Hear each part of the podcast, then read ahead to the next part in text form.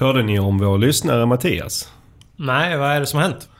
Ja, det var vår kära kollega Kalle som såg att någon annonserade på vårt namn, Pineberry alltså. Och som brukligt så kontaktade vi företaget som annonserade. Och det visade sig att det var en lyssnare, Mattias då, som annonserade. Och han hade börjat annonsera för sitt företag till Luto eh, på vårt namn efter att ha lyssnat på avsnitt 29. Där vi ju nämnde att eh, vi alltid kontaktar de som annonserar Just det. på vårt namn.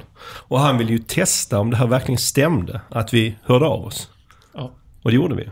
Ja, roligt att eh, Mattias ville testa oss i alla fall. Då. Ja, det var ju eh, roligt att han, eh, han testade oss. Men eh, kanske ännu roligare var att han var lite besviken efteråt. För han hade ju förväntat sig att jag skulle höra av mig. Att det var jag som skulle ringa. Och det var ju, för en gångs skull var det med vår kollega Kalle som gjorde det. Eh, Och ehm, Mattias var på SO-snack veckan och så träffade jag honom och då, då lovade jag att om han, om han gör det igen så lovar jag att ringa. Sen sa jag i och för sig att snälla du behöver inte göra det igen men om du skulle göra det igen så, så ska jag se till att det är jag som ringer. Med denna roliga historia kickar vi igång detta avsnitt av Sökpodden. Du lyssnar på Sökpodden. En podcast för dig som gillar Google, SEO och SEM. Sökpodden görs av Pineberry. Varmt välkomna till avsnitt 32 av Sökpodden. Mitt namn är Mikael Wahlgren och vid min sida idag sitter Viktor Kalmhede Hej! och Alexander Ökvist. Hallå, hallå. Dagens tre ämnen är negativ SEO. Vi pratar om Amazons intåg i Sverige och hur det påverkar oss. Och sen avslutar vi med de tio största förändringarna av SEO de senaste tio åren. Hur är läget med er? Lite förkyld, men annars väldigt bra. Eh, nej, men det är bra med mig. Även om jag är en sommarmänniska så känns det ändå helt okej att det är lite snö och vinter i Stockholm nu tycker jag. Ja, Det känns som det här obligatoriska snöovädret i november kom idag. Ja, den kom i alla fall. Ja, jag gillar det. Det blev lite ljusare ute faktiskt. Mm. Jag tycker det är ganska häftigt. Det var ett tag sedan vi eh, pratade lyssnarsiffror här i podden så jag tänkte att det är väl dags för en liten uppdatering. Och i oktober förra månaden så hade vi 4857 lyssningar. Det är 66% fler än oktober året innan. Och det är faktiskt all time high. Eh, tidigare all time high var från april då vi, faktiskt, då vi hade vi två avsnitt den månaden. Men vi lyckades slå det med ett avsnitt så det är helt Ja, fantastiskt. det är häftigt. Kul. Eh, och vi är extremt glada för alla ni som lyssnar. Så nu känner vi ändå, nu är vi ganska nära 5000 så vi, om ni, vi alla kanske hjälps åt och tipsar omkring så kanske vi kan nå 5000 i, här i november eller kanske i december. Med dessa upplyftande siffror så eh, kör vi igång dagens första ämne.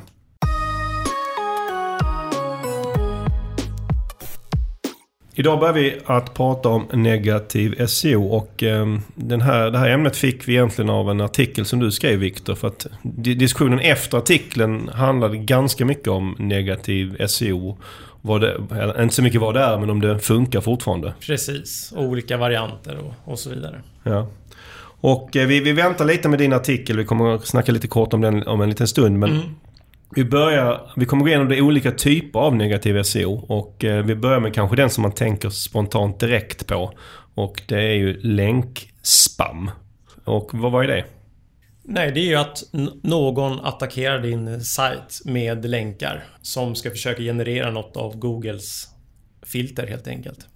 Och den stora frågan här som kanske är, som var, som var den här debatten som till, till viss del blev efter din artikel och eh, som också har funnits under ganska lång tid. Är, funkar det här? Alltså kan man på något sätt sänka en sajt med hjälp av länkar?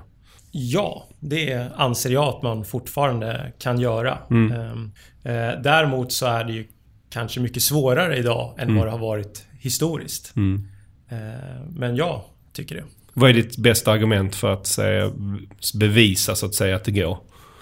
Ja, man kan resonera så här. Om du själv kan sätta dig ett filter för att du jobbar med onaturligt med länkar. Och det tror jag alla kan hålla med om. Då kan även någon annan eh, skapa detta mot din sajt som gör att du ja, drabbas av något av Googles filter. För det stöter vi på lite då och då där man ser sajter som har hamnat i eh, länkrelaterade filter av olika anledningar. Och om man då, som du säger, kan hamna där för egen maskin så är det ju nästan ännu, egentligen ännu lättare för, för en, en konkurrent som vill en illa att, att göra samma sak. Ja, precis. Eh, Men med det sagt, den här eh, traditionella att man köper flera tusentals billiga länkar i något paket. På så sätt kanske inte man kan sänka någon lika tydligt idag. Utan där bortser Google mer från de eh, länkarna. Man kanske mer måste i sådana fall ha kvalitativa länkar ur det, det perspektivet för att kunna sänka någon då. Ja, det kostar mer helt Det, enkelt. det kostar mer att sänka dem. För annars är det en diskussion som, som egentligen det här med negativ SEO, det fanns såklart innan också, men efter första pingvinen så dök det ju upp ganska mycket. Eh, för, för då helt plötsligt kunde länkar få ett negativt värde. Inte bara att det liksom var noll i värde, utan det var negativt då. Det öppnades upp dörrar för att man då skulle kunna, teoretiskt sett i alla fall, sänka andra sajter med länkar. Ja, det var väl då det, det, det slog igenom och kom upp vart en mer debatt kring det.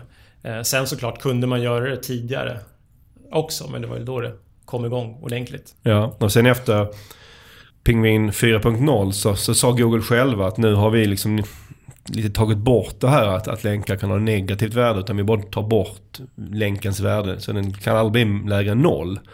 Eh, och Google hävdar ju i princip att det inte går att göra negativ SEO. Men det, det, det vet vi ju sen innan att man... Det finns anledning att inte alltid lyssna på Google.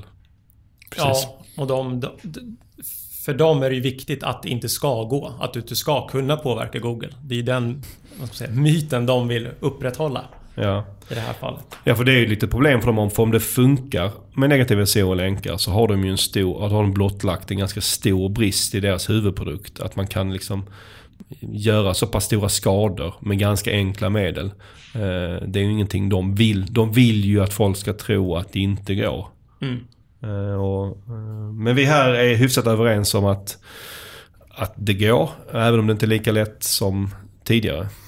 Precis. Det går ju, men det, är väl inte, det blir väl inte samma utsträckning som man kanske kunde göra tidigare på samma sätt. Och eh, om vi backar tillbaka bandet då lite till, till din artikel. Kan, kan du snabbt eh, och lite kort Viktor berätta vad, eh, vad var det som hände? Vad var det du tog upp i artikeln? Det vi upptäckte var att sajter som länkade till eh, en sajt som heter John Slots. Eh, de hade fått länkar till sig från lågkvalitativa sajter. Och ankartexten som pekade till oss och andra sajter var John Slots. Så då var det intressanta ju varför har man gjort det här? Och vem är det som har gjort det här? Mm. För det här skulle ju kunna vara eh, negativ SEO. Ja, Ja. Vi frågar lite ut liksom vad finns det för olika teorier om vad som har hänt. För det var ju inte helt självklart för oss vad som hade hänt. nej och vi är fortfarande inte säkra. Nej, jag, min, jag satsar mina pengar på att det är någon form av negativ SEO, att någon konkurrent har gjort det. Men det var ju även vissa som hävdade att det skulle kunna vara John Sloss själva som har gjort det. Ja, För att öka deras ranking. Ja. Och det är ju just om man tittar på att liksom själva ankartexterna var ju inte spamiga i sig utan det var ju varumärkes eh, ankartexter. Det stärker ju upp lite att det skulle vara de själva Ja. som gjorde det. Vad har vi, vad har vi sett för effekt på, på det? Jag följer inte John Slotts, jag kan inte säga. Eh, och vi är inte helt säkra på, på när det här har hänt och vilken skala heller. Utan när vi upptäckte det här, det var ju... Eh, då har det här nog legat ett tag. Mm. Eh, så, men det skulle vara intressant att höra. Ja, är det någon här från John Slott som lyssnar så får ni gärna höra av er och, och berätta er syn på saken. Det skulle vara intressant. verkligen. Om vi går vidare då till ett annat sätt man skulle kunna använda negativ SEO på är ju att, att man lättar in sönderspammande domäner till en sajt. Är det någonting vi ser mycket av idag? Jag har faktiskt inte sett så jättemycket av det på senaste tiden på det sättet riktigt, som man kanske gjorde förut. Eh, jag vet inte om Google blir bättre på att se igenom det också kanske, på ett annat sätt idag. Eh, jag vet inte hur ni känner. Nej, jag, jag håller med. Jag har inte heller... Det var länge sedan jag såg ett sånt exempel och det är ju att Google har väl antagligen blivit bättre på just den här med att de sätter en länk som noll värde istället för att ge ett, ett minusvärde. Mm. Jag håller med om att jag ser inte alls lika ofta längre och jag, även tidigare så såg man kanske inte det lika ofta som eh, annan typ av länkspam. För detta kan man ju indirekt ofta säga att det här är också någon form av länkspam för det är sannolikt en sönderlänkspammad domän som man sen lättar in. Oftast. Men, men det jag fortfarande ser och jag vet en del talar fortfarande ganska gott om är ju att träna och lätta in bra domäner för, av positiva anledningar. Att man gör det liksom frivilligt själv. Och då man vänder på myntet, om det fortfarande fungerar i vissa lägen så borde ju motsatt också kunna fungera. Precis. Eh, av samma logik som vi hade tidigare. Ja. Men det är som sagt inget vi, vi ser lika eh, ofta längre. Nä, nästa grej är ju att man, man kan aktivt jobba för att få bort ens konkurrenslänkar. Eh, hur skulle man kunna göra det? Då får man väl nästan eh, kontakta där det finns länkar och utge sig från att vara en person från det, den sajten eller det företaget och försöka få bort länkarna. Ja. Inget jag har sett så jättemycket av faktiskt. Det är kanske inget man märker heller på samma sätt. Nej, jag, har- jag har själv sett några mejl som är åt det, det hållet. Men jag har, vi har inte själv fått några mejl att vi ska ta bort länkar där, eh, där jag har i alla fall insett att det inte är rätt person som hör av sig. Eh, ja, jag, det är väl två... eh, Eller det var länge sedan jag såg eller hörde kring det här. Men det är väl två angreppssätt man brukar ha. Antingen att man säger att man representerar företaget som länken pekar emot. Och att man inte längre vill det. Eller att man utger sig för att vara någon form av expert som säger att det är skadligt eller riskfyllt att Ja. länka till den här. Och på så sätt försöker få bort den. Eh, om vi backar tillbaka bara till den artikeln du, eh, du skrev som, som, som startade eh, det här ämnet på något sätt för, för vår del. Så där var ju en teori som jag tyckte var kanske egentligen den intressantaste av dem alla. Det var att tanken, syftet var att det var negativ SEO. Och att genom att spamma länkar på de här sidorna så skulle man få sajtägarnas uppmärksamhet. Och som att sajtägarna i sin tur reagerade med att ta bort länken. Ja. Och det var ju exakt vad som hände för vår del. Ja. För vi, när vi märkte det kände vi att ja, vi tar bort länken till John Slotts för att vi vill stoppa att de spammar länkar mot oss. Oavsett om de gör det, om det skulle det vara John Slotts som gör det själv eller någon som gör det av negativa skäl så att säga. Så tog vi bort länken. Precis. Det är ju som att det bl- blir som ett hot. Ja. Att, och att det kan ju också vara att man i framtiden hindrar folk eller att inte länka Ja. till John Slotts. För man vågar inte för då Nej. riskerar du att bli utsatt av någon, någon form av attack. Ja, Man kan tycka att vi tog den lätta vägen ut men vi kände väl att det fanns väl inget, varför ska vi, vi vill inte ha de här länkarna mot oss så vi tog bort länken.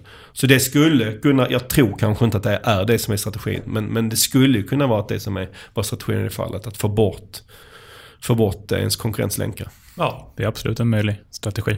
Sen eh, en, annan, eh, en annan variant av negativ SEO är ju att scrapa innehåll kan man säga. Att man tar innehåll från en sajt och lägger. Och vi pratade lite om det i förra avsnittet när vi pratade om piratsajter. Det är ju en variant av det men man kan ju också tänka sig att man tar delar av innehåll, man tar inte hela sajten. Ehm, hur kan det här skapa problem SEO-mässigt? Nej, det är ju att Google ser att det är kopierat innehåll finns där och då kanske inte du rankar på ditt innehåll längre. Eller att du tappar i ranking för att allt är kopierat helt enkelt. Precis som det hände av vissa eh, företag med de här piratsajterna. Ja. Upplever ni att det händer ofta idag? Eh, jag har inte sett det så mycket i syftet där jag tror att syftet är negativ SEO utan snarare att man har andra syften som är piratsajterna. Att man vill eh, få gratis trafik som man sen kan skicka vidare och tjäna pengar på. När jag ser det, de exemplen jag tänker på direkt är ju oftast när någon har tagit en, en annan sajts innehåll. Inte kanske då med ta, alltså, baktanken negativ SEO. Utan det är kanske snarare att de inte riktigt har koll på SEO överhuvudtaget. Utan de tar det för att göra livet lätt för dem. Och att det då får eh, konsekvenser från sajten de tar det ifrån. Men eh, jag skulle hävda att det fortfarande fungerar som negativ SEO-strategi. Håller ni med? Ja, ja, alltså några fall som jag har sett i alla fall, då har de ju i, i samband med det då kanske blivit hackade också.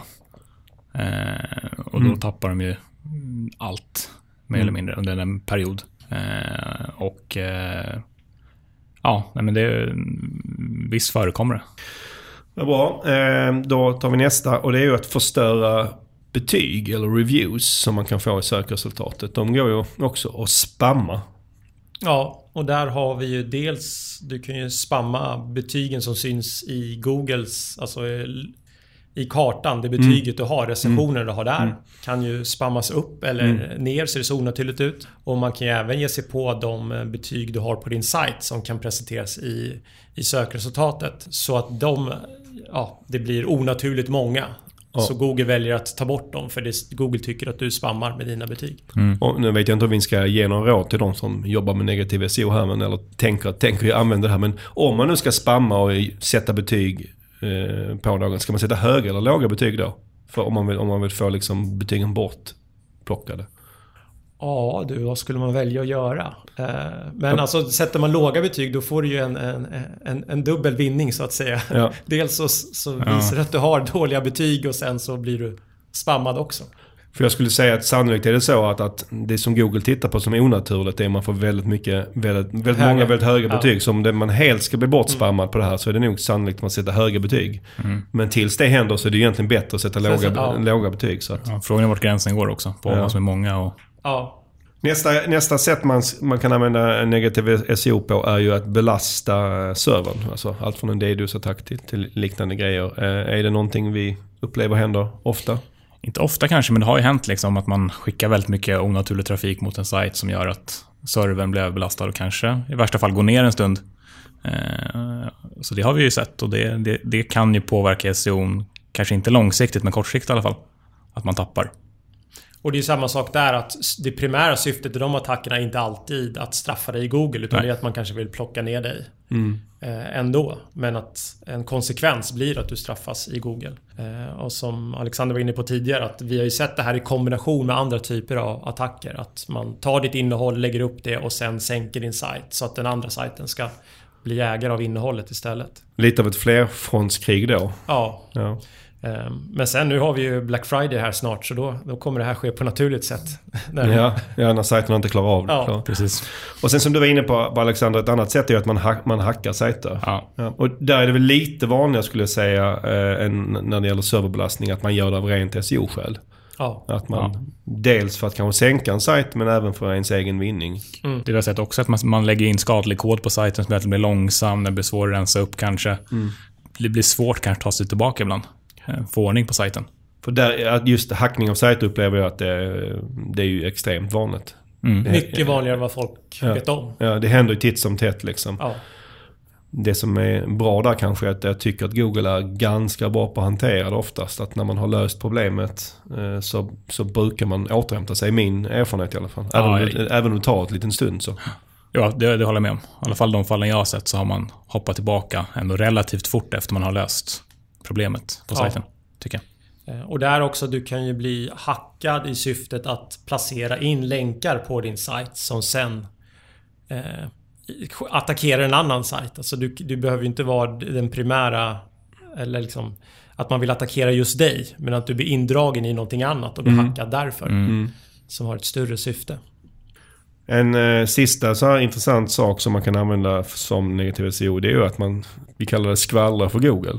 Och då kan man tänka, vi, vi tänker oss scenariot att man skvallrar för Google på en sajt som egentligen inte det finns något att skvallra på. Men man bara gör det för att försöka sätta dit dem då. Och man kan sätta det i system, att man skickar in massa, massa spamanklagelser mot den här sajten. Och, ehm, Ja, till exempel. Eller att man i, i sökresultatet så kan man ju säga att man tycker att eh, när det här är resultat noll, att det är irrelevant. Att man gör det systematiskt. Jag vet ju när det gäller, ehm, eh, jag vet, jag vet inte om det här är egentligen negativ SEO, men jag vet den här pdfen gällande sökmotoroptimering från Google som har snurrat runt på massa sajter. Där vet jag att det är ganska många personer som har spamanmält den sajten som har valt att ha den på sin sajt. Ja. Så det finns många skäl till att jag inte skulle vilja ha den här pdfen på vår sajt, men, men en orsak är ju att det är uppenbart att man kommer bli spamanmäld. Ja. Och jag skulle vara lite rädd för det. ja. Det är ingenting man, man vill ha på sig. Nej. Nej. Och sen rankar vi där ändå så vi behöver inte ha pdfen. Nej, precis. Sen vad heter det? Det här är lite svårt att veta om det är vanligt också. För det här är inget man vet om om det görs liksom. Man ser ju inte det på samma sätt som om en sajt har blivit Nej, hackad. precis. Det här är ju någonting som sker någon annanstans. Eh, och, då, och det är ju svårt att veta vad, hur, vad, vil, hur mycket krävs det? Ja. Och det är ju samma sak, man skulle, om man tittar på Google Suggest så skulle man ju också där kunna skriva väldigt många saker i kombination med ditt varumärke. Så att det kommer upp negativa saker kring ditt varumärke. Men hur många gånger behöver du skriva det i sökresultatet? För att det ska påverkas, nej, precis. Nej. Men bra, det var ju alla de äh, olika, kallade metoder som vi tänkte ta upp idag. Men en, en väldigt intressant vinkel på, eller, eller fråga kring det här är ju Är det lagligt att göra negativ SEO? Eller rättare sagt, är det olagligt? Om man gör det här, om man skjuter massa länkar på en, en konkurrent, bryter man då mot någon lag? Just den är ju svår. De andra är kanske en- enklare med hackning och den biten. De är mer såklara att det kanske är i syfte att skada på, ett sätt. Men just med länkar blir det svårare vidare det- i laget eller inte. Jag håller med, alltså en DDoS-attack, det skulle nog de flesta Nu är inte någon av oss här jurister men, men som lekmän skulle man ju lätt kunna bedöma att en DDoS-attack är, ja, det, det är olagligt. Och hackning av sajt är olagligt. Ja. Men, men om en DDoS-attack är ju i princip att man skickar massa trafik till en, en, en sajt. Liksom. Vad är skillnaden egentligen mot att skicka massa länkar mot en sajt? På något sätt, min spontana känsla återigen utan att ha någon form av juristkompetens alls här. Så att på något sätt så borde det också vara olagligt. Om man gör det med syftet att skada. Precis. Precis. Det, det, det lilla jag kan kring juridik är ju mycket att det handlar om uppsåt bakom saker och ting. Och Mm. här, om uppsåtet är att skada din webbplats så borde det ju vara olagligt Mm. Ja. på något sätt. Men jag tror knappast att det har prövats Nej, det, någon gång. Och det är ju ganska svårt att bevisa också så där ligger ett stort problem. Men, men det är kanske någonting vi måste gräva vidare med en jurist vid något tillfälle. Om vi kan reda ut om, om, om vilka delar av negativ SEO som är olagliga helt Ja. enkelt. Och har vi någon jurist som lyssnar nu så får de jättegärna höra av sig och Mm. eh, klara ut det här för oss. Ja, det vore intressant att veta vad som gäller. En sista grej på den här punkten eh, är okej, hur kan man skydda sig mot negativ SEO? Förutom att jag kanske anlita en jurist. Det primära är väl egentligen att ha koll på sin sajt och ha koll på positioner och eh, arbeta aktivt med SEO och på så vis kunna upptäcka om någonting misstänksamt händer mot sin sajt eller ja, den biten. Och eh, se till att man har Google Search Console. Det är fortfarande förvånansvärt många som inte har det. Och om någonting händer med din sajt, då får du ofta veta det där. Du får till och med ett mail från Google. Ja, det har vi, jag tror vi har tagit upp det här tidigare i podden, men de är väldigt bra på att liksom meddela att sajten har blivit hackad och den typen av attacker. Så att, Ja, det brukar man även se i sökresultatet. ja, precis. Precis. Så har, håller man koll så, så... Man skyddar sig kanske inte, men man kan vara snabbare och motverka det och, lösa problemet helt enkelt. En, en sak som man kanske ska hålla extra koll på för, för den typen av negativ SEO som kanske är vanligast, det är just länkspamsrelaterade grejer. Så att hålla koll på sina länkar. Ja. Där hit, kan man ju oftast hitta det. Ja. Hur gör du Viktor för att hålla koll på, på länkarna till våra sajter? Eh, Jag använder Ahrefs. Mm. Eh, Och så tittar jag de nya länkar som byggs eh, mot oss helt enkelt. Mm. Och även att man tittar på ankartexter. Och då att man inte bara tittar på de vanligaste utan att man gräver djupt. Ja. Om ni går in i ARF så titta på våra ankartexter nu. Eller jag vet inte om ni, jag vill att ni ska göra det. Men om ni gör det så kommer ni se en del ganska fula ord som ankartexter. Så då blir det ganska tydligt att se att, att någon har försökt skjuta länkar mot oss som, Ja, som de inte har gjort för att vara snälla mot oss. nej, det är uppenbart. Nej. Sen kan man också säga att det är ju ingenting som har gjort någon skada för oss vad vi kan säga än så länge. Så vi är inte jätteoroliga för det. Men man vill ju ändå ha koll på det. Nej, verkligen inte. Och, det, och allting handlar ju om alltså hur, hur stark du är i grunden. Hur, hur stor effekten eh, kan vara. Det är nog väldigt svårt att sänka Aftonbladet till exempel. Ja. Och eh, om man har möjlighet så är det klart en fördel man kan sätta upp olika liksom, triggers eller alerts för det här. Att till exempel om man får en stor anstormning av nya länkande domäner eller man har ett stort tapp i trafik organiskt. Det finns ju massa olika sätt man kan sätta upp triggers så att även om man inte tittar på det här dagligen så kan man få. Ja, kolla i, i Analytics Referring Domains. Mm. Dyker upp några konstiga sajter där som du inte känner igen. Gå in på dem och undersök vad det är. Och bevaka ditt eh, varumärke också helt enkelt. Ja, för det, det, är väldigt svårt. Det går i princip inte att skydda sig för det här. Eller jag skulle säga att det går inte att skydda sig. Nej. Utan det handlar bara om att man, man, målet måste vara att man ska försöka upptäcka det så fort det händer. För då kan man försöka minimera skadan. Ja, Om man agerar snabbt så kanske det inte ens blir någon skada. Nej. Till exempel om man väldigt snabbt upptäcker att sajten är hackad och lyckas lösa det på en, två dagar så, dagar så kanske inte du hinner tappa någonting i ranking. Medan om du låter, gå, låter det gå någon vecka eller så, så, så kommer du sannolikt tappa lite i ranking. och tar vi de länkar som pekar mot oss idag som eh, vi vill inte associeras med. Då, då lägger vi upp dem i vår disavow-fil helt enkelt. Så på så, det är det vi kan göra. Eller, och om vi trodde att vi skulle kunna få bort länken om vi kontaktade någon så gör vi såklart det också. Vad bra, då eh, lämnar vi negativ SEO för idag och eh, beger oss till nästa ämne.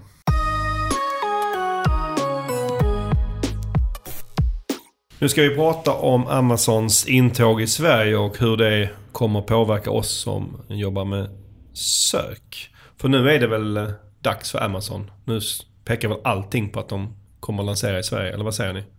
Det finns ju många tecken på det. Men med, med det sagt så det här är ju någonting man har hört eh, år efter år. Det är ju den här stående. Nu kommer de. Mm. Jag tror vi nämnde det redan i, i avsnitt tre, att, att vi snackade lite kort om att nu är Så pass, ja. Amazon på gång. Och Mm. Sen har det skrivits ganska många artiklar om det under åren om att, att lite bevis här och där på att det är på gång. Det var väl det här att de köpte den här domänen amazon.se för en Precis. fem miljoner eller vad det var. Mm. Eh, Det var ju tydligt, det kanske inte man skulle göra om man inte är på väg. Samtidigt, de har så mycket pengar så fem miljoner för dem är kanske inte så mycket. Nej. Men jag, jag känner nu kommer en typ av bevis som jag kanske inte har sett innan. För nu är det personer som delvis jag känner. Som till exempel Niklas Storåker som har varit ute och sagt att han vet. Ja. Jag har svårt att se att han skulle säga det om han inte riktigt vet. Mm. Och sen har jag hört på andra håll också att, att folk som är väldigt, väldigt säkra på att det är på gång. Men, men det är sagt, de kan ju ha tagit beslutet om de ska in i Sverige. Men det beslutet kan ju såklart alltid ändras. ja, precis. Det är frågan om när också. Ja. Det, Precis. beslutet kan vara taget, men det kan ju ta väldigt lång tid då. Och det känns ju inte som att det kommer hända i år för att det är lite för tight på julhandeln som är så viktig. Skulle jag säga. Så att om de kommer... Jag skulle bli väldigt förvånad om de lanserar redan 2017. Men Ja. vi får väl se. En sak som, om vi nu antar att de kommer lansera i, i Sverige. En sak som jag förvån, förvånar mig lite är ju att, att de väljer Sverige. Det är inte en jättestor marknad med tanke på att de, de finns inte på så många marknader nu. Nej. Men det, ja, verkligen. Ja, men det, oavsett så eh, är- blir det spännande att följa. Men om vi antar nu, för, för det här ämnets skull, vi antar att ja, de kommer komma till Sverige inom, inom en, en kort framtid. Vad tror ni? Tror ni att de kommer lyckas? Jag tror nog det. Kanske inte i samma utsträckning som i USA, men eh, på sikt kommer de säkert kunna bli, eh, bli giftiga om de kan hålla samma typ av prissättning som de gör i USA på Amazon Prime till exempel. Och om tjänsterna blir så pass bra här också så skulle de absolut kunna bli farliga. Det tror jag. Ja, Går de verkligen in för det så tror jag att de, de lyckas. Eh, Men det finns ju exempel på andra företag som har försökt ge sig in i Sverige som inte har lyckats. Ja, till, ja, jag tänker direkt till exempel på Ebay som försökte lansera i Sverige men fick retirera lite och använda sitt... De köpte ju Tradera så Ja. de hade ju den att använda. Och Paypal har försökt. Och Mm. E-trade var ju en bransch jag jobbade i. De, de var jättestora i USA men lyckades aldrig riktigt i Sverige. Sen, samtidigt finns det ju exempel på många amerikanska bolag som har lyckats. Ja. Så McDonalds och, Så att jag, jag är inte he, det är inte helt givet för mig att de kommer lyckas. Men det är klart jag tror att alla deras muskler ehm, så finns det ju goda förutsättningar för att lyckas. Mm. Det är många som har spekulerat i, i vad det här kommer innebära för e-handlare och så vidare. Om det här kommer bli... De flesta säger nog att det kommer vara ganska negativt för e-handlare. Ja. Men vi, vi lämnar den diskussionen till, till andra forum. Utan här ska vi såklart prata om, om vi antar att de lyckas i Sverige. Hur kommer det påverka SEO och AdWords? Baserat på hur stora de kan bli så kan det påverka beroende på hur mycket, mycket trafik de, de tar. Eh, och hur mycket företag anser att det är värt att annonsera där och den biten. Eh, skulle de kunna ta en del från Google, såklart. Ja, för jag vet att Erik eh, Schmidt, Googles styrelseordförande, han sa redan 2014 att i USA så Googles största sökkonkurrent var inte Bing eller Yahoo. Och då ska man betänka att Bing och Yahoo är ändå relativt sett stora i USA i relation till Sverige.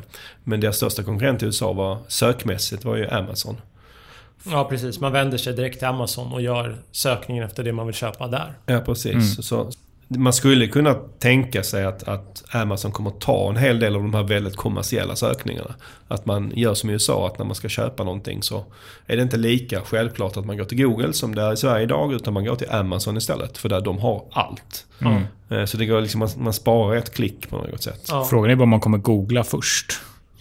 Ja. Eller om man Ja. kommer gå till Amazon.se direkt. Eller om man kommer använda... Tittar man lite på mitt eget sökbeteende. Jag ofta, jag vänder mig kanske till eh, prisjakt direkt. Ja, Att jag går dit och tycker de är bra för de har nästan alla produkter och Ja. liksom, jag kan filtrera och sortera enkelt där. Eh, Men det är ju det är kanske att man då istället går till Amazon direkt. Men då kanske du som, som från ditt perspektiv så skulle Amazon vara en större, större hot mot prisjakt än mot Google. Ja, precis. Ja. Eh, Men, men tror ni att de kommer lyckas få till det här beteendet att man kommer använda Amazon i Sverige som en sökmotor? Att, att om man ska ha produkter så, så är det dit man går. Det känns väldigt långt bort just nu. Alltså Google är ju sån stor... Alltså vi säger ju googla. Ja. Det... Ska vi börja säga Amazona? Nej men... Nej, jag, jag, jag vet heller, alltså ja, det är möjligt att man är lite gammalmodig Ja. om man utgår från hur man själv gör. Men jag har ju väldigt svårt att säga att det här beteendet som har vuxit fram i Sverige ska kunna ändras på något enkelt sätt. Oavsett hur mycket muskler Amazon har. Så att vi, att vi, det är en sak att, med det sagt så tror jag ändå Amazon kommer kunna lyckas i Sverige. Men att de kan lyckas få till det här beteendet som finns i USA. Att man använder Amazon som en sökmotor. Där är jag inte lika övertygad faktiskt. Nej, det, det, kommer, det kommer ju ta tid. Och det blir väl också, man, man kommer väl, många kommer säkert prova Amazon och se hur det funkar. Tycker man att det är mycket, mycket bättre än Google och Prisjakt, då kanske man går över till det. Ja. Eh, Men skulle det inte vara så pass bra som man anser att kanske Google eller Prisjakt är, då kanske man inte hoppar över. Och det som är intressant det är när de kliver in. Då kommer de ju lägga ner mycket pengar för att synas. Eh, Så priserna i eh, AdWords till exempel kommer ju troligen drivas upp. Ja. Och så kommer de eh, erbjuda bättre priser på produkterna så marginalerna kommer bli Ja. tuffa. Liksom. Deras intåg i Sverige, återigen om vi antar att det är nära förestående. Kommer det innebära att vi som sitter här och vi som jobbar med sök i Sverige kommer behöva lära oss hur, hur vi syns i söket på Amazon? Precis som vi, vi vet hur man syns i söket på Google. Ja, alltså det kommer ju uppstå en bransch kring Ja. det. Sen om vi väljer att ge oss in där lite, det, det får vi ju se. Det här blir lite precis som optimering av appar. Att man vill synas i App Store eller Google Play. Eh, Det är ju en, en egen nisch av optimering som vi inte arbetar med idag. Nej, jag, jag har faktiskt lite tänkt på det här när man går in och kollar på eh, SEO-byrå eh, eller sökbyråer i både England och USA där Amazon är stora. Så det, är- ja, det, jag kan inte, det är väldigt få gånger jag har sett att de erbjuder en tjänst för eh, optimering på Amazon. Så det är möjligt att, man, att det kommer dyka upp så fall så specialistbyråer som är väldigt, väldigt duktiga på just det här. Mm. Eller att på de vissa större e-handlare som vill använda sig av Amazon. Mm. De kanske. Eller återförsäljare. Att då- Där finns det liksom en expert. Och eh, hur, hur, hur, vad vet vi om hur man rankar på, i söket på Amazon? Vi ska säga att vi är inte är experter på det här men vi har lite koll. Vad, vad skulle ni säga är, är, är viktigt? Vi vet väl i alla fall att det skiljer sig en del mot hur Googles algori- algoritm funkar. Eh, störst är väl att Amazon inte tittar på externa faktorer som länkar. Nej. Utan bara optimerar för just kanske då en titel på en produkt eller så. Ja, och, Och de, och de bryr sig heller inte om, om, om, om innehållet är duplicerat som är en, ett stort problem på Nej, sidan. Det nej, står inte de helt och hållet i. Och som jag förstod det så tittar de inte heller kanske på längre sökfrågor utan de tittar specifikt på enstaka sökord. Eh, Så det blir kanske mer viktigt att optimera efter ja, produktens namn eller, eller vad det kan vara. Jag, jag har hört någon förklara det liksom att Google är byggt lite för att sälja annonser och Amazon är byggt för, för att sälja produkter. Och det, därav skiljer sig lite också hur man ska jobba för att synas där. Så att på, no, på något sätt så kanske man, när man tänker Google Shopping så bör man närma sig lite hur Amazon fungerar. För det är lite, lite samma saker. Strukturerad data är extremt viktigt på Amazon. Av samma anledning som det är viktigt om man säljer produkter på Google. Att det är den, det är den informationen som gör att, att Google och Amazon förstår vad det är för. Konverteringsgraden. Ja. Att det, du faktiskt säljer. Ja, För de vill ju inte visa upp produkter som inte går bra. Nej. framförallt för det är då de får betalt. Så att konverteringsgrad är en, en sak som är väldigt viktig. Eh, har du en produkt på Amazon som inte säljer så kommer den ju sannolikt inte synas. Men då måste det vara ganska svårt för nya mindre e-handlare att ta sig upp i söket där också. Om man kanske inte har så mycket försäljning jämfört med större aktörer som säljer mycket och har bra konverteringsgrad. Tas upp första så, gången. Såklart, så, så blir det ju. Så Sen samtidigt som du, får ju använda Amazons system. De är ju ganska bra på konvertering. I och med att du säljer produkten där så har du problem med konvertering på din vanliga sajt så kanske du, Amazon kan hjälpa dig för att de är ju ganska bra på att konvertera produkter. Liksom. Så det är väl det man får på köpet. Att, att man får ju använda Amazons, de har ju ändå ett, ett erkänt väldigt bra sätt att, att, att hantera kunder. Annars hade de inte blivit så stora som de är. Mm. Så det är på något sätt det man betalar för som e-handlare. Att man får, får det på köpet. Sen såklart går det ju också att, att precis som på Google, gå och köpa sig till, eh, till synlighet. Det går ju- alltid. Ja, precis. Det går, det, det, det går att annonsera, att annonsera där och det ser man ju att, att eh, det är ganska många som gör. Eh, Jag har ingen självkänsla för hur mycket det kostar men det, det säger sig själv att, att det, är, det är en marknad precis som på Google. Så om man vill annonsera på den senaste iPhone-modellen så lär det ju kosta en del per, per klick att, att synas även på Amazon. Det gör det säkert. Mm. Här kan jag passa på att tipsa om ett, ett avsnitt för er som är lite sugna på att veta mer om det funkar på Amazon. Jag vill tipsa om E-handelspodden. hade ett avsnitt, i och för sig ett par år tillbaka i tiden, men jag, det känns väldigt aktuellt fortfarande. Jag lyssnade igenom det igen inför det här, vårt avsnitt. Och det är avsnitt 12 av E-handelspodden där Anton eh, intervjuar The Friendly Swede som, eh, som bara säljer via Amazon. Det är ett väldigt intressant avsnitt. Med det så eh, lämnar vi Jeff Bezos Amazon för idag och går vidare till dagens sista ämne.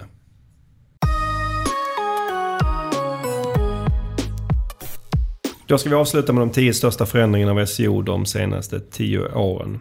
Och vi körde ju motsvarande lista för AdWords i avsnitt 30 och då nämnde jag att ganska snart fyller Pineberry 10 år och jag får ofta frågan om hur mycket som har ändrats i branschen sedan vi körde igång. Och min spontana svar är oftast att det inte har hänt så mycket. Men sen när man tänker efter så upplever jag att det har hänt en del ändå. Vad, vad säger ni? Ja, det, det gör ju det.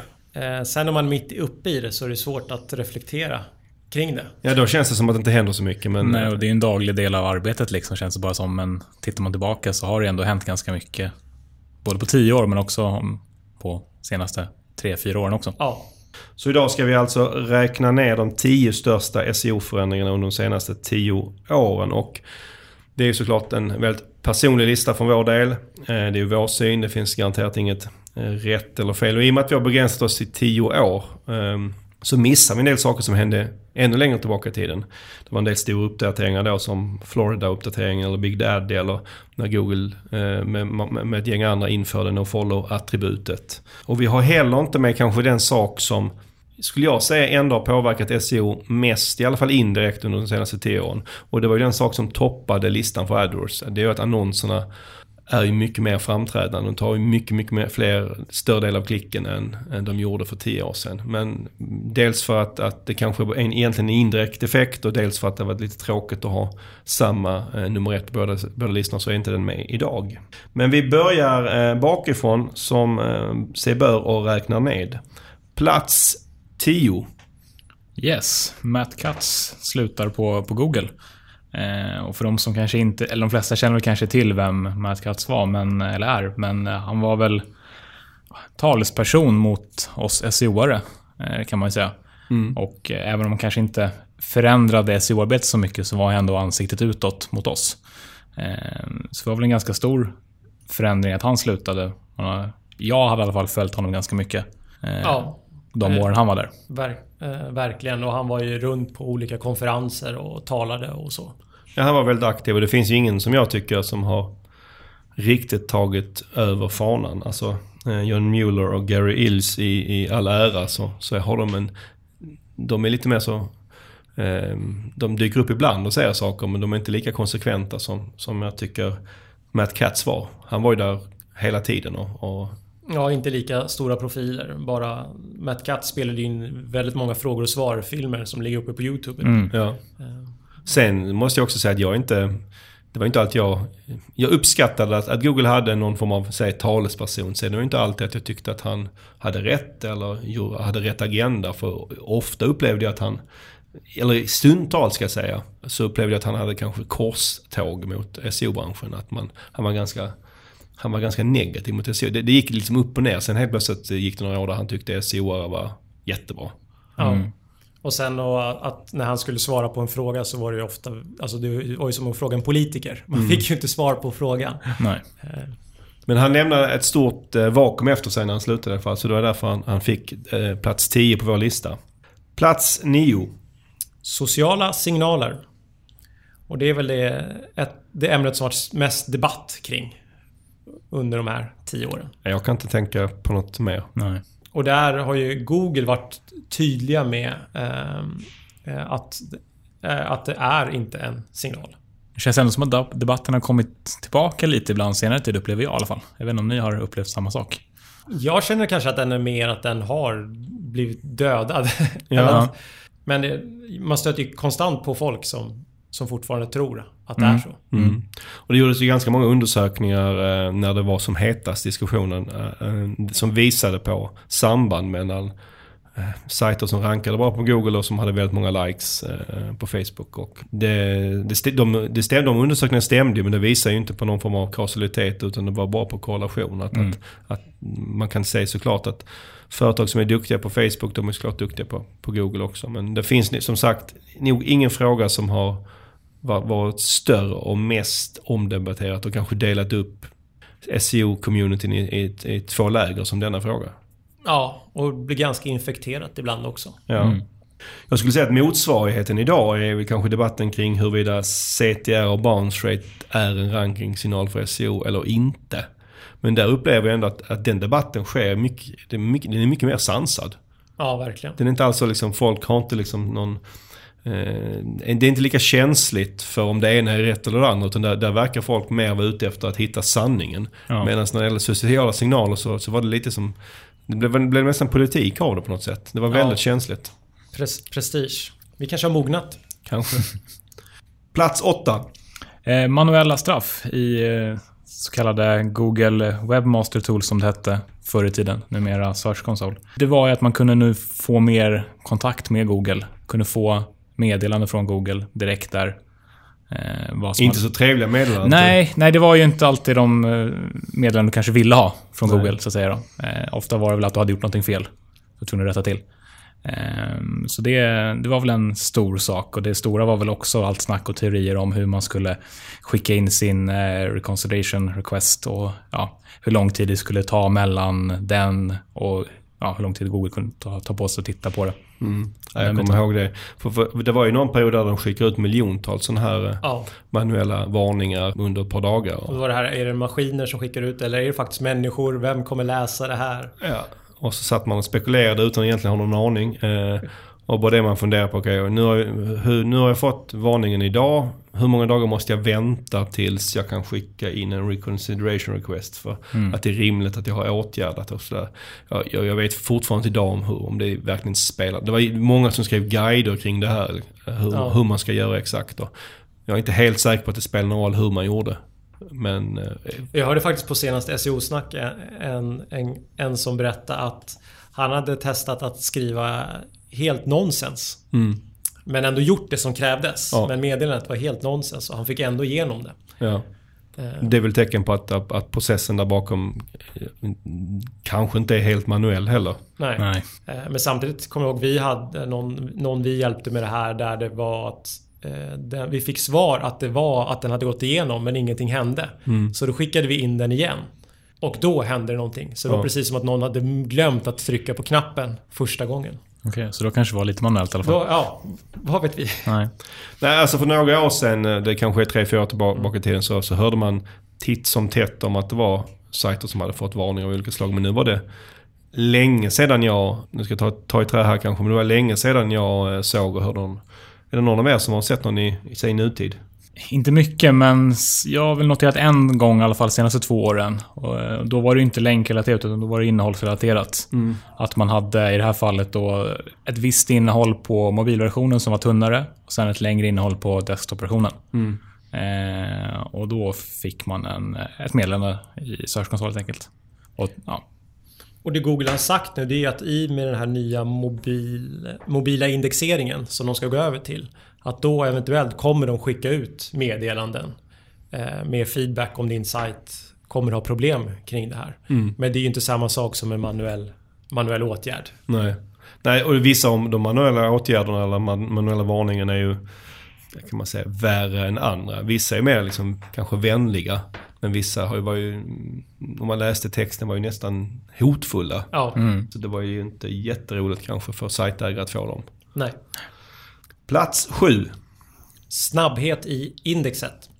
Och det vi menar där det är ju att allting går mycket fortare hela tiden. Och det är en stor skillnad på för hur det var för 10 år sedan. Eh, då indexet kunde uppdateras vid vissa tillfällen. Men nu, idag uppdateras det löpande. Gör man en, en, en förändring och, och går in i Search Console och ber Google att omindexera så kan du, kan du slå igenom sökresultatet bara någon minut efteråt. Mm. Alltså det är en enorm skillnad liksom. Ja. Innan behöver man vänta länge på ganska mycket. Så. Jag tycker fortfarande att tålamod är en väldigt bra egenskap när det SEO. För att få nå långsiktigt väldigt bra resultat så behöver man tålamod. Men de här små grejerna tar ju inte så lång tid längre. Och samtidigt, om du eh, gör bort dig eller om till exempel drabbas av någonting, att komma tillbaka mm. går snabbare idag också. Mm. Plats 6. RankBrain. Eh, och det är ju då Googles algoritm för AI som eh, blev bekräftad av Google i oktober 2015. Kanske inte har påverkat oss så jättemycket hur vi gör SEO egentligen, men, eh, eh, men enligt Google så är det ändå den tredje eh, viktigaste signalen. Eh, och syftet med RankBrain är att ge besökarna så relevant svar som möjligt på deras sökfråga. Mm. Och då blir det ändå någonstans viktigt att försöka tänka på hur man svarar på besökarnas frågor på sin webbplats. Om man, om man antar att eh, det som Google säger stämmer, att, på, att det är den tredje viktigaste signalen, så mm. är det ju såklart den största nya signalen som har kon, kommit under de här tio åren. För de, det, är ingen, det är inte officiellt vilken som är signal 1 eller 2, men vi kan väl utgå från att den ena är länkar och den andra är innehåll på något sätt. Mm. Och de har ju funnits mer än tio år så då, då blir ju RankBrain naturligtvis den, den största nya signalen som har kommit. Ja. Det som är intressant här också är att, att Googles VD Sundar Pichai har ju sagt att de nu går från Mobile First till AI First. Alltså det var inte länge de var Mobile First. Nej, eh, men nu är det liksom AI som är deras grej. Och man får väl se, som du nämnde Alexander, så så har det kanske inte påverkat än så länge jättemycket hur vi gör SEO, men det kanske kommer. Plats 5. Not provided. Och det var ju när sökordsdatan eh, försvann i Analytics för mm. oss. Eh, och det... Mm, I början var det väl kring... Eller försvann ju inte all data, men idag så ser man ju ingenting helt enkelt. Och eh, Google motiverade det här med att det var integritetskränkande att vi skulle få tillgång till den här datan i Analytics. Mm. Är mycket tveksamma själv. Ja, jag tycker de är direkt larviga. Ja.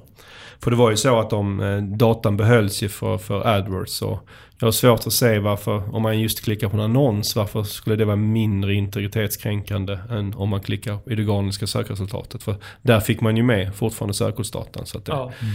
De blir anklagade för hycklerier kring det här och jag, jag håller verkligen med. Att jag, jag kan jag kan verkligen inte förstå varför de gjorde det här. Det enda skälet som finns, det enda skälet jag kan se, är att de vill tjäna mer pengar.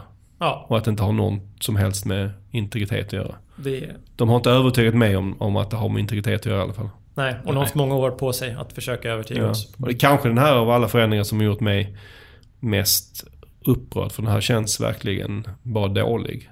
Eh, vissa andra saker de har gjort kan ju kännas, okej okay, det här var jobbigt för mig personligen men jag kan förstå varför de gör det. Det här tycker jag bara är dumt. Ja, bara försvårande. Mm. Mm.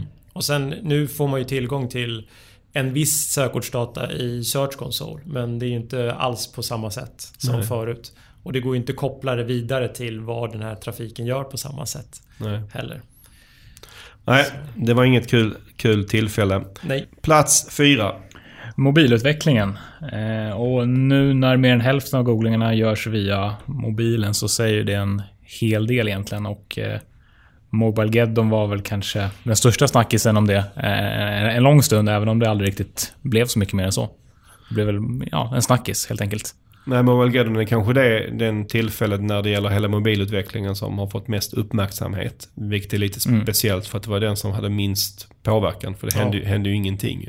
Men det är ju enda gången, vad jag vet i alla fall, där SEO har, varit, har fått liksom headlines på CNN och liknande. Men hela mobilutvecklingen har ju varit en... Det är också så lätt att glömma det för att för tio år sedan så, så, så hade vi liksom i princip hade vi ingen mobiltrafik. Men Nej. nu är det väldigt mycket av trafiken som kommer därifrån. Och det har ju också gått ganska snabbt till att, att under några år så var ju, upplevde jag att, att mobilen man såg mobilen lite som att det är en sämre kanal än, mm. än desktop. Och det, till viss del kanske man ser det fortfarande. Men jag tycker det suddas ut ganska snabbt det också. Att, att för många blir det lika naturligt att mobil, mobilen är liksom den framtida kanalen.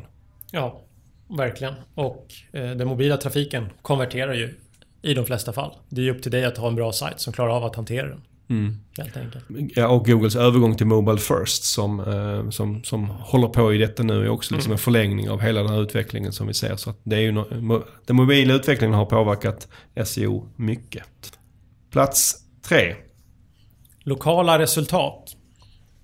Och det är ju dels att vi har Google Places. Mm. Eh, att det är och sen att eh, det lokala får en stor påverkan i hur sökresultatet ser ut helt enkelt. Att var du befinner dig eller var Google anser att du befinner dig påverkar resultatet Mm. väldigt mycket. Jag var uppe och föreläste i Skellefteå för några veckor sedan och då, eh, en av de som var på föreläsningen var en, en, en lokal yogastudio. Och eh, då pratade vi lite om deras sökord och hade det varit för tio år sedan så om man hade googlat på yogastudio från Skellefteå så hade man inte fått lokala resultat. Utan då hade du fått något generellt som kanske eh, täckte Sverige och kanske några till och med engelska Ja. eh, resultat. Men nu när man googlar på det så är det nästan bara Skellefteå-resultat. För att Google fattar att om du googlar efter yogastudio i Skellefteå så sannolikt är du ute efter någonting lokalt. Ja. Och det har ju på ett sätt har det ju öppnat upp väldigt mycket möjligheter för lokala företag. Att synas på, på, på kanske lite större sökord än man Ja. kunde synas på tidigare. Det är ju fördelen och nackdelen är ju att när det är sökningar som kanske inte ska ha en lokal prägel Ja, så får det en lokal prägel ändå. Ja. Vilket gör att kanske inte det blir det optimala sökresultatet. Och sen så eh, vill ju Google gärna slänga in den där kartan. Mm. Eh, Och ofta gör de det kanske för sökningar där kartan inte är relevant. Ja. Utan det enda gör det är att den trycker ner det organiska Mm. eh, resultatet och försämrar klickfrekvensen. Ja, kombinationen av en stor karta och att annonserna tar mer plats gör ju att SEO ibland, det finns inte organiska resultat längre. Ja, väldigt långt ner, framförallt på mobilen. Ja. Plats två. Pingvinen. Eh, när pingvinen kom under 2012 så ändrades kanske en hel del hur man arbetar kring länkar. Eller framförallt att man kanske behövde tänka till en gång extra innan man skaffade sig en länk. Mm. Det blev viktigare viktigare att satsa mer på kvalitet istället för kvantitet. Eh, och eh, ja, hamnade man i ett pingvinfilter så kunde det ju ta väldigt lång tid innan man tog sig därifrån, historiskt sett.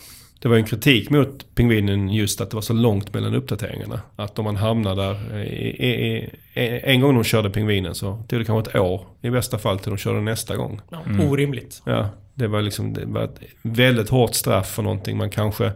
Vissa hävdade då att de själva inte hade gjort. Liksom, Nej, det kunde ju varit negativ SEO. Ja, så det, det var inte rimligt. Och det var ju i mitt tycke en ganska stor svaghet med, med pingvinen att, att den var på det sättet. Men samtidigt så är det ju en av de sakerna som har påverkat i alla fall hur, hur, ja, hur man jobbar med SEO och hur man jobbar med länkar. Att det är, som du sa Alexander, det är mer, lite mer fokus på kvalitet än kvantitet och man jobbar helt annorlunda med ankartexter också. Det är fortfarande viktigt med ankartexter men man kan ju inte vara alls lika aggressiv som tidigare. Nej, mer i innehåll.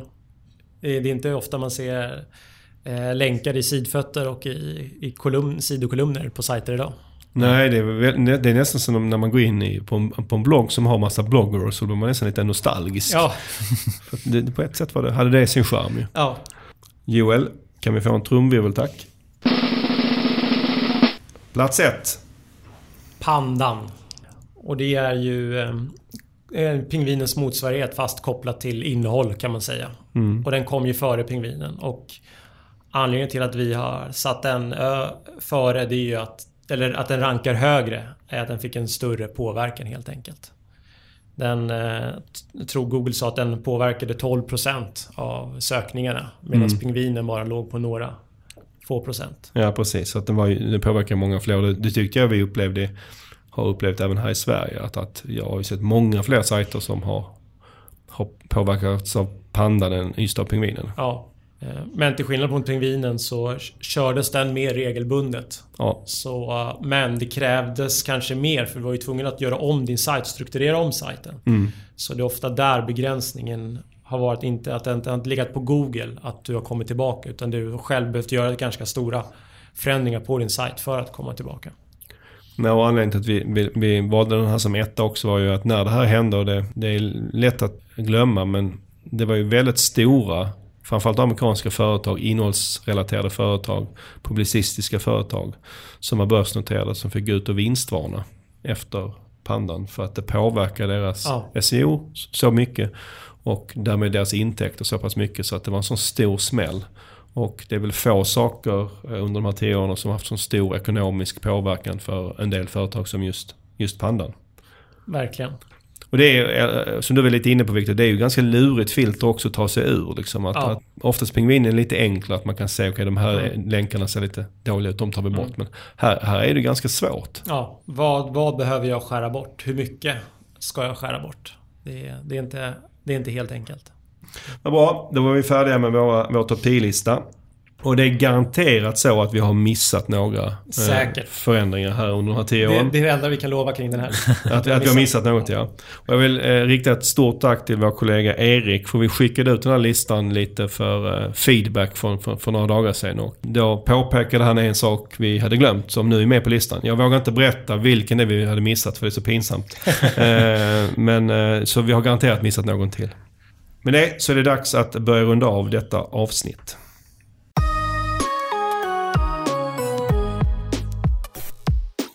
Som alltid, har ni feedback på dagens avsnitt eller vill föreslå ett ämne, mejla till sokpodden at pineberry eller hör av er på Twitter på sokmotorkonsult. Och några av er har ju hört av sig faktiskt och påpekat att det var långt mellan det här avsnittet och det förra. Men det är ju inte att vi har väntat länge på det här avsnittet utan förra avsnittet var väldigt tidigt. Precis. Men nu ska ni inte behöva vänta så mycket längre, eller hur? Nej, för redan nästa vecka så är det dags för ett avsnitt igen. Onsdagen den 29 november kommer det ett specialavsnitt av Sökpodden.